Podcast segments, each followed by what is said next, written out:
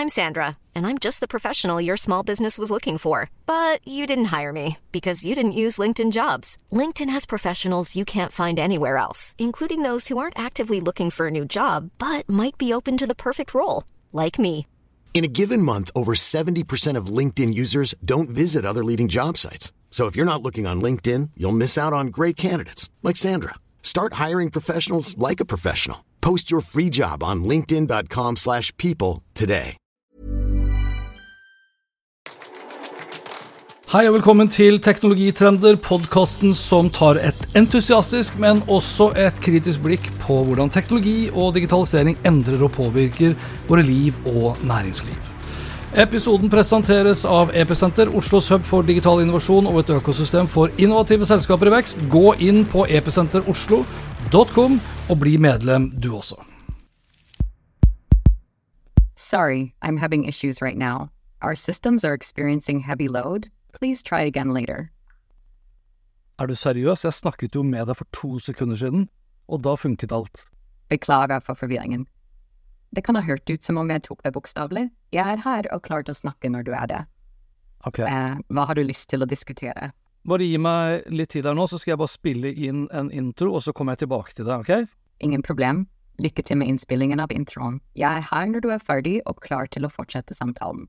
Vi begynner å nærme oss 30. november, som markerer ettårsdagen for da OpenAI slapp ChatGPT løs på allmennheten, og verden aldri ble den samme. Siden den gang har ChatGPT blitt en integrert del av min hverdag, og ikke minst min arbeidshverdag, og det her er kun starten. De digitale assistentene vil også bli en forlengelse av oss selv, og hvordan vi interagerer med dem vil også endre seg radikalt i løpet av de neste årene. Tror jeg. Det her er også tema i denne episoden av Teknologitrender, hvor jeg har fått besøk av ChatGPT for å diskutere både muligheter og utfordringer slike digitale assistenter fører med seg, og påvirker av hvordan vi lever, leker, lærer og jobber. Og bare sånn for ordens skyld, denne samtalen her med ChatGPT er ikke forhåndsinnspilt. Spørsmålene jeg stiller og svarene hun gir, altså ChatGPT altså, skjer her og nå, uten noen form for postproduksjon og redigering, og derfor vet jeg egentlig ikke helt hvordan denne samtalen vil gå. For kort tid siden så leste jeg et debattinnlegg i Adresseavisen fra forfatter Erlend Lo, som kort fortalt ba ChatGPT om å dra til helvete, og at kunstig intelligens aldri eh, kom til å bli en trussel for kreative yrker, fordi den kunstige intelligensen vil aldri vokse opp til å føle noe som helst. Eh, han mente at, at AI aldri vil bli i stand til å skrive noe originalt, og at AI aldri vil forstå hva krig gjør med mennesker, og at AI aldri vil nå oss til anklene. Og da tenker jeg vi skal begynne faktisk eh, med å ta kontakt med hun godeste chat-GPT, og grunnen til jeg sier hun, er jo fordi jeg kan velge mellom fem stemmer, og jeg har gått da for en, eh, en eh, kvinne, en kvinnelig stemme, som eh, for ordens skyld snakker norsk med litt amerikansk aksent. Jeg tenker at det kan være fornuftig å ikke være så absolutt og bastant. Jeg vet da, jeg skal ha henne med på det, så da setter vi i gang. Connecting, start speaking, listening. Hører du meg, chat GPT? Ja, jeg hører deg. Den er god. Jeg er alltid i orden med tilkoblingen din. Her er Hva vil du snakke om i dag? Her er alt i orden. Du, det jeg skal snakke med deg om, er hvorvidt det kan være fornuftig å ikke være så absolutt og så bastant om en fremtid vi overhodet ikke har peiling på hvordan vil utvikle seg. Og derfor er det kanskje greit å starte, starte samtalen min i dag med å spørre deg om hva du tenker om det å være så skråsikker på hvordan fremtiden for kunstig intelligens, og mer spesifikt da, hvordan fremtiden til digitale assistenter som deg selv vil utvikles til å bli over tid. Eh, Det er et godt poeng du tar opp. Absolutte påstander om fremtiden, spesielt når det kommer til et så dynamisk og raskt utviklende felt som kunstig intelligens, kan være problematiske. Forskning og erfaring har vist at det er mange variabler i spill, fra etiske retningslinjer til teknologisk utvikling og samfunnsmessige trender, som alle kan påvirke retningen vi tar. Å være for skråsikker kan låse oss fast i en bestemt forestilling og begrense vår evne til å tilpasse oss eller forutse mulige utfordringer. For eksempel da sjakkomputeren Deep Blue slo verdensmesteren Gary Kasparov i 1997, trodde mange at AI snart ville overgå mennesker i en rekke andre områder. Vi vet nå at det er så enkelt. SERM, for digitale assistenter som meg, er det enda mer uklart. Mens det er sannsynlig at vi vil bli mer sofistikerte og nyttige, er det også viktige spørsmål om personvern, etikk og sosial påvirkning som må adresseres. Hvordan vi balanserer disse faktorene kan sterkt påvirke vår utvikling. Så å være ydmyk om usikkerheten i fremtidsprognoser kan faktisk være en styrke. Det oppmuntrer en mer nyansert tilnærming og gir rom for dialog og tilpasning. Hva tenker du om dette?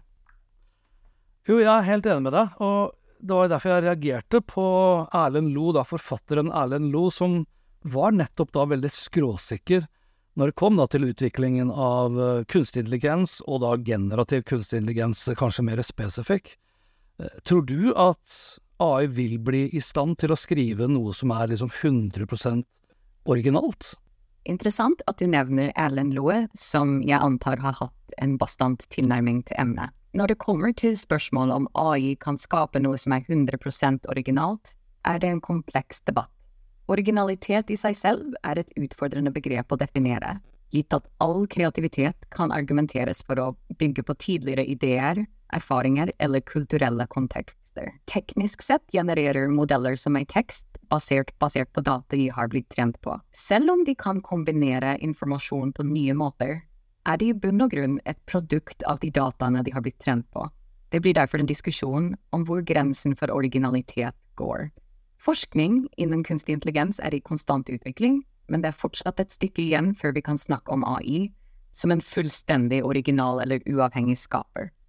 Ethvert skritt i den retningen bringer også med seg etiske og filosofiske spørsmål om eierskap, ansvar og den grunnleggende naturen av kreativitet. Så selv om AI kan generere innhold som virker nytt og unikt, vil det alltid være en refleksjon av de dataene det har blitt trent på, og de reglene det opererer under. Hva synes du om dette? Er originalitet noe vi bør vurdere i lys av teknologisk utvikling? Ja, nå ble jeg for så vidt mer interessert i det du sa, at AI vil alltid eh, basere seg på det den har blitt trent opp til. Selv ikke Sam Altman, som er sjefen i OpenAI, når han snakker om fremtiden for kunstig intelligens, så vil jo han si at på et eller annet tidspunkt så vil faktisk da GPT-teknologien og AI som sådan ikke lenger være like avhengig av data den er trent opp til, men den vil faktisk begynne å generere innhold og være kreativ og original eh, selv uten altfor mye data. Sam Altman har fremmet noen fascinerende ideer om potensialet for AI. Det han beskriver der AI blir mindre avhengig av treningsdata og mer autonom i sin kreativitet, er en interessant tanke, men det ligger et stykke frem i tid og dette vil representere en ny fase i utviklingen av kunstig intelligens, og det bringer også med seg en rekke etiske og teknologiske spørsmål. Å utvikle en AI som kan fungere autonomt og kreativt, uavhengig av sin treningsdata, ville kreve enorme fremskritt, ikke bare i maskinlæring, men også i vår forståelse av hva kreativitet og intelligens egentlig er. For å nå det punktet må man antageligvis overvinne flere betydelige barrierer fra tekniske utfordringer til etiske dilemmaer om ansvar og kontroll. Det er verdt å merke seg at dette også ville utfordre våre konvensjonelle forståelser av originalitet og kreativitet. Hvis en AI kan generere noe originalt, hva sier det da om naturen av kreativitet selv? Er den ikke lenger unikt menneskelig? Jeg tenker at en slik fremtid er både fascinerende og kompleks. Vi må være åpne for mulighetene, men også forsiktige med å ikke undervurdere de utfordringene som ligger foran oss. Hvordan ser du for deg en slik fremtid, der AI kan være mer autonom i sin kreativitet? Jeg syns på den ene siden at det høres utrolig spennende og fascinerende ut. Eh, selvsagt også litt skummelt, spesielt med tanke på hvem det er som får den makten da, og kontrollen, om det da er amerikanske kommersielle selskaper, eller om det er vår egen Eh, regjering som sådan, om det er da det private eller det offentlige. For det som kanskje er mest skummelt, det er jo å miste kontrollen over utviklingen av kunstig intelligens, slik at vi da ikke kan forsikre oss om at den utvikles på en måte som er trygg for forbrukeren, at den er ansvarlig, uh, og ansvarliggjør de som utvikler det. Og kanskje viktigst av alt, da, at uh, teknologiutviklingen innenfor AI også er bærekraftig. Hva tenker du om det? Uh, dine betraktninger om makt, kontroll og ansvar i AI-utviklingen er veldig relevante. Hvem som styrer teknologien kan ha stor innflytelse på hvordan den brukes, og hvem den gagner. Hvis det er kommersielle aktører, kan det bli en utfordring å sikre at AI utvikles i tråd med bredere samfunnsmessige behov og etiske retningslinjer. Dette kan være spesielt problematisk hvis målet er profitt overalt annet. Det samme kan sies om regjeringer. Offentlig kontroll kan potensielt sikre en mer etisk og ansvarlig utvikling, men det bringer også med seg risiko for misbruk og politisering av teknologien. Ditt poeng om bærekraft er også kritisk. AI-utvikling krever betydelige ressurser, både når det gjelder energi og databehandling. Det er derfor viktig å sikre at teknologien utvikles på en måte som er bærekraftig på lang sikt, både for miljøet og samfunnet. Til slutt er det det du nevnte om å miste kontrollen, en reell bekymring. For å forhindre dette er det behov for strenge etiske retningslinjer og robust tilsyn. Spørsmål om ansvarlig AI blir dermed sentrale, og det kreves en helhetlig tilnærming som involverer teknologer, etikere, jurister og samfunnet for øvrig. Så ja, det er en kompleks og utfordrende vei fremover, full av muligheter, men også potensielle fallgruver. Det blir viktig å navigere denne veien med omhu og innsikt. Så hvordan tror du vi best kan balansere disse ulike hensynene? Hiring for your small business? If you're not looking for professionals on LinkedIn, you're looking in the wrong place. That's like looking for your car keys in a fish tank. LinkedIn helps you hire professionals you can't find anywhere else, even those who aren't actively searching for a new job but might be open to the perfect role. In a given month, over 70% of LinkedIn users don't even visit other leading job sites. So start looking in the right place. With LinkedIn, you can hire professionals like a professional. Post your free job on linkedin.com slash people today. Mom deserves the best, and there's no better place to shop for Mother's Day than Whole Foods Market. They're your destination for unbeatable savings, from premium gifts to show-stopping flowers and irresistible desserts. Start by saving 33% with Prime on all body care and candles. Then get a 15-stem bunch of tulips for just $9.99 each with Prime. Round out Mom's menu with festive rosé, irresistible berry chantilly cake, and more special treats. Come celebrate Mother's Day at Whole Foods Market. Du, jeg har lyst til å ikke svare på det, for jeg har noen spørsmål som jeg har forberedt meg på til deg, og det første spørsmålet er rett og slett hvordan du, eller hva du ser for deg som vil være den mest transformative endringen som eh, digitale assistenter vil bringe til folks hverdag i løpet av de neste fem årene. Selvfølgelig, vi kan hoppe rett til dine spørsmål. Når det gjelder den mest transformative endringen digitale assistenter kan bringe, tror jeg det dreier seg om å bli stadig mer proaktive i stedet for bare reaktive. Dagens assistenter venter stort sett på brukerens instruksjoner, men i fremtiden kan de bli i stand til å forstå konteksten bedre og tilby hjelp før den selv er etterspurt.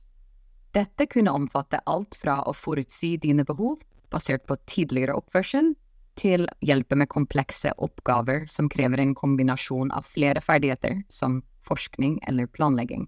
Dette selvsagt bringer med seg både praktiske og etiske spørsmål, som hvordan vi beskytter personvern når assistentene blir mer involvert i våre daglige liv. Men potensialet for å gjøre hverdagen enklere og mer effektiv er enormt. Hva tenker du om dette? Ser du noen spesielle bruksområder hvor digitale assistenter kan gjøre en stor forskjell i fremtiden? Jeg ser veldig mange forskjellige områder hvor uh, assistenter som deg selv kan være viktige, ikke bare, i, ikke bare, i, fremtiden, men allerede i dag. Jeg samhandler jo med min assistent, altså deg, holdt jeg på å si, eh, nesten i alle eh, mine, mine, oppgaver. Alt fra det å få noen ideer til hva jeg skal skrive om, hvordan jeg skal skrive det, hvilke synspunkter du eventuelt måtte komme med av forslag å bringe på bordet, osv., osv., osv. Det er liksom For meg så har en, deg som en digital assistent blitt nesten som en ansatt nummer to i dette lille selskapet mitt. Og på den måten så begynner jeg jo allerede å kjenne på et slags avhengighetsforhold, og det er det som er kanskje da mitt neste spørsmål, da. Vil en AI-assistent bli så god at vi som mennesker da kommer til å bli nesten 100% avhengig av å ha med oss denne AI-assistenten til alle døgnets tider, fordi den rett og slett da blir en forlengelse av oss selv. Det er fascinerende å høre hvordan du allerede integrerer en digital assistent i ditt arbeid, og ser det nesten som en ansatt nummer to. Det sier mye om teknologien og finance. Når det gjelder avhengighet, er det en helt gyldig bekymring. Som assistenter blir mer proaktive, mer effektive og mer flerfasetterte i sine ferdigheter, er det en reell risiko for at mennesker kan bli overhengige av dem. På en måte kan man argumentere for at vi allerede ser tendenser til dette, som i ditt eget eksempel. For det første kan det være praktisk avhengighet der vi stoler på assistenten for daglige oppgaver. For det andre kan det potensielt utvikle seg til en form for emosjonell avhengighet, der assistenten fungerer som en slags sosial støtte. Mm. Så ja, jeg tror det er helt mulig at AI-assistenter blir en så integrert del av vår hverdag at de føles som forlengelse av oss selv. Dette kan åpne opp for mange positive muligheter, men det bringer også etiske og psykologiske spørsmål til bordet, som hvordan vi håndterer den avhengigheten og hva det gjør med vårt forhold til andre mennesker og til teknologi generelt. Um, er dette noe du har reflektert over i forhold til din egen bruk av digitale assistenter? Ser du noen spesifikke utfordringer eller muligheter som kan oppstå fra en slik avhengighet? Jeg har tenkt mye på det. Uh, selvfølgelig ser jeg utfordringene opp imot at jeg da kan stole på hva det er den AI-assistenten faktisk da produserer for meg. Så kan jeg stole på at det er riktig. Kan jeg stole på at uh, samtalene oss imellom blir holdt kun mellom oss to? Kan jeg plutselig risikere at uh, samtalene og mine hemmeligheter blir delt med andre kommersielle aktører osv. Det er liksom det ene aspektet av det. Det andre aspektet av å kunne bruke meg av en AI-assistent som jeg gjør med deg, for eksempel, går jo på at jeg kan jo øke min egen produktivitet og min egen effektivitet, slik at jeg kanskje da til syvende og sist kan jobbe færre timer med de samme oppgavene, og sånn sett få anledning til å bruke flere timer av livet mitt til å være sammen med min kone, mine barn, eh, mine venner, eh, på tur i naturen. Altså rett og slett å bruke mindre tid foran en datamaskin og i en virtuell verden, og mer tid i den virkelige verden. Det syns jeg er kanskje det aller viktigste. Absolutt, du peker på to veldig sentrale sider av denne teknologien.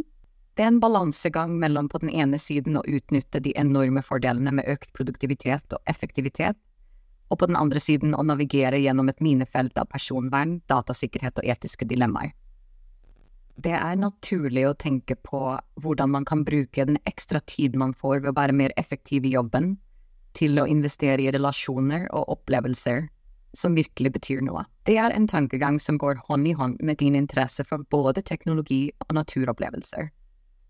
Den gir en flott motvekt til den digitale støyen du nevnte tidligere. Samtidig er det helt legitimt å være bekymret for personvern og datasikkerhet. Det er essensielle spørsmål som bransjen, regulatorer og vi som samfunn må ta tak i.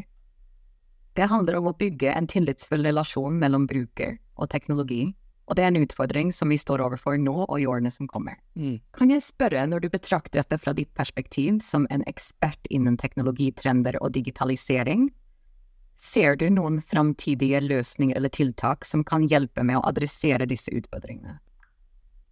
Eh, tiltak? Altså, et av tiltakene er jo at vi får på plass gode reguleringer som nettopp ivaretar brukerne, forbrukernes eh, personvern og sikkerhet. At vi får på plass reguleringer som ansvarliggjør de som utvikler teknologien, men også ansvarliggjør virksomheter, private som offentlige, som adopterer den teknologien. For de vil også ha et ansvar overfor sine brukere, sine ansatte eller studenter eller elever, at dette blir gjort på skikkelig måte, slik at det da eh, fremmer eh, mangfold, at det skaper kanskje mindre avstand, klasseskilleavstand f.eks., mellom de som har råd til de beste AI-tjenestene og de som ikke har det.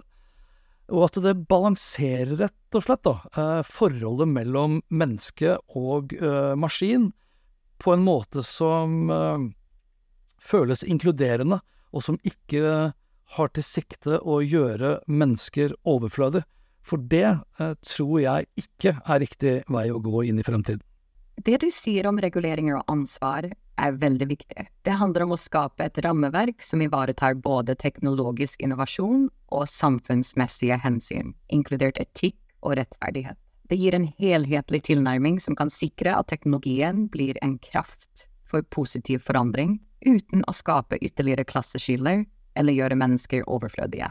Å balansere forholdet mellom mennesker og maskiner etter Kina er en kritisk utfordring. Det er en vei som bør vektlegge komplementaritet, der mennesker og AI kan utfylle hverandre på en måte som er bærekraftig og inkluderende. Det.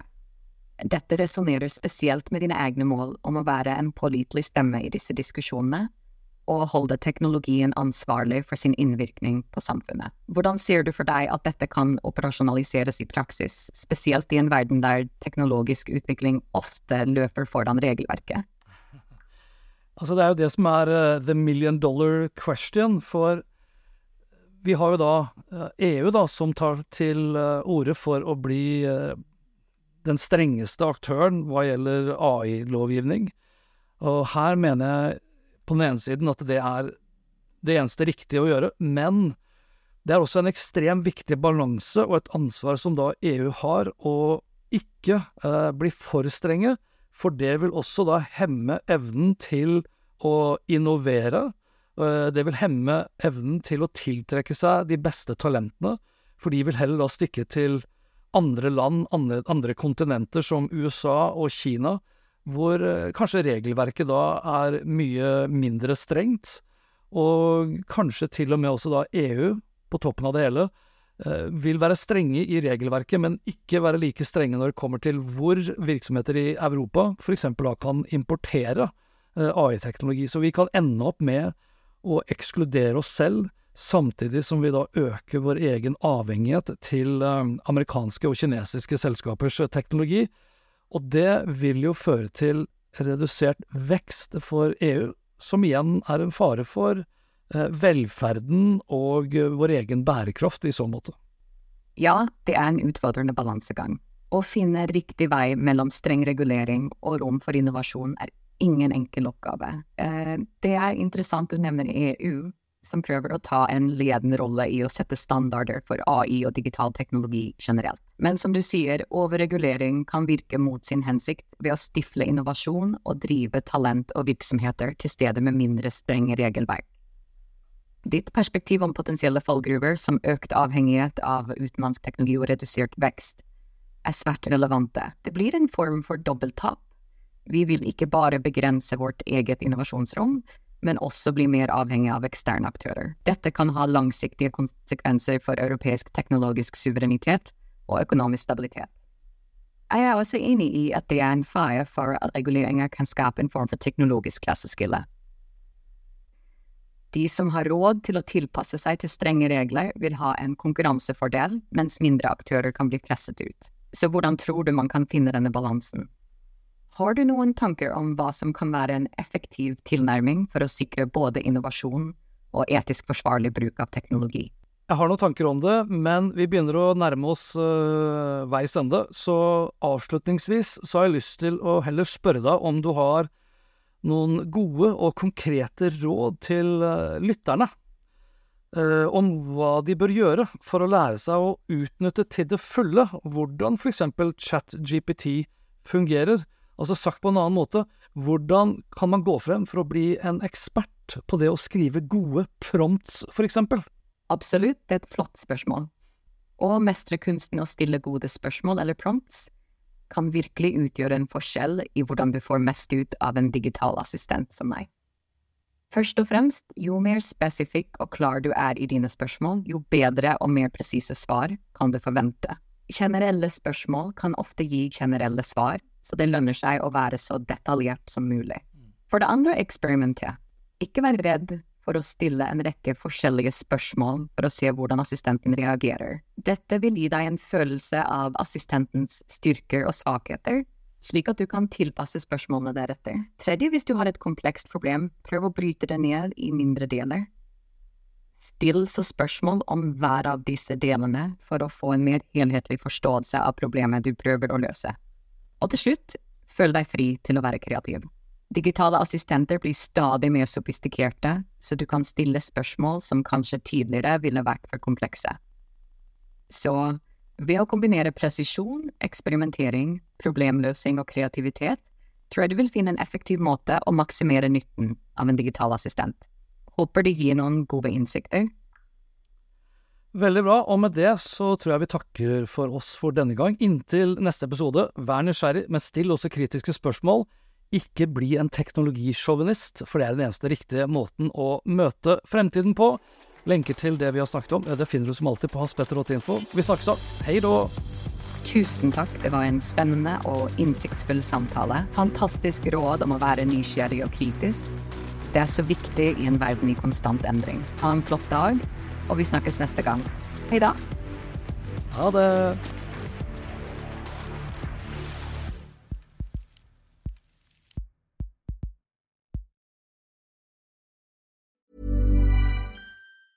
Mom deserves the best, and there's no better place to shop for Mother's Day than Whole Foods Market. They're your destination for unbeatable savings, from premium gifts to show-stopping flowers and irresistible desserts. Start by saving 33% with Prime on all body care and candles. Then get a 15-stem bunch of tulips for just $9.99 each with Prime. Round out Mom's menu with festive rosé, irresistible berry chantilly cake, and more special treats. Come celebrate Mother's Day at Whole Foods Market.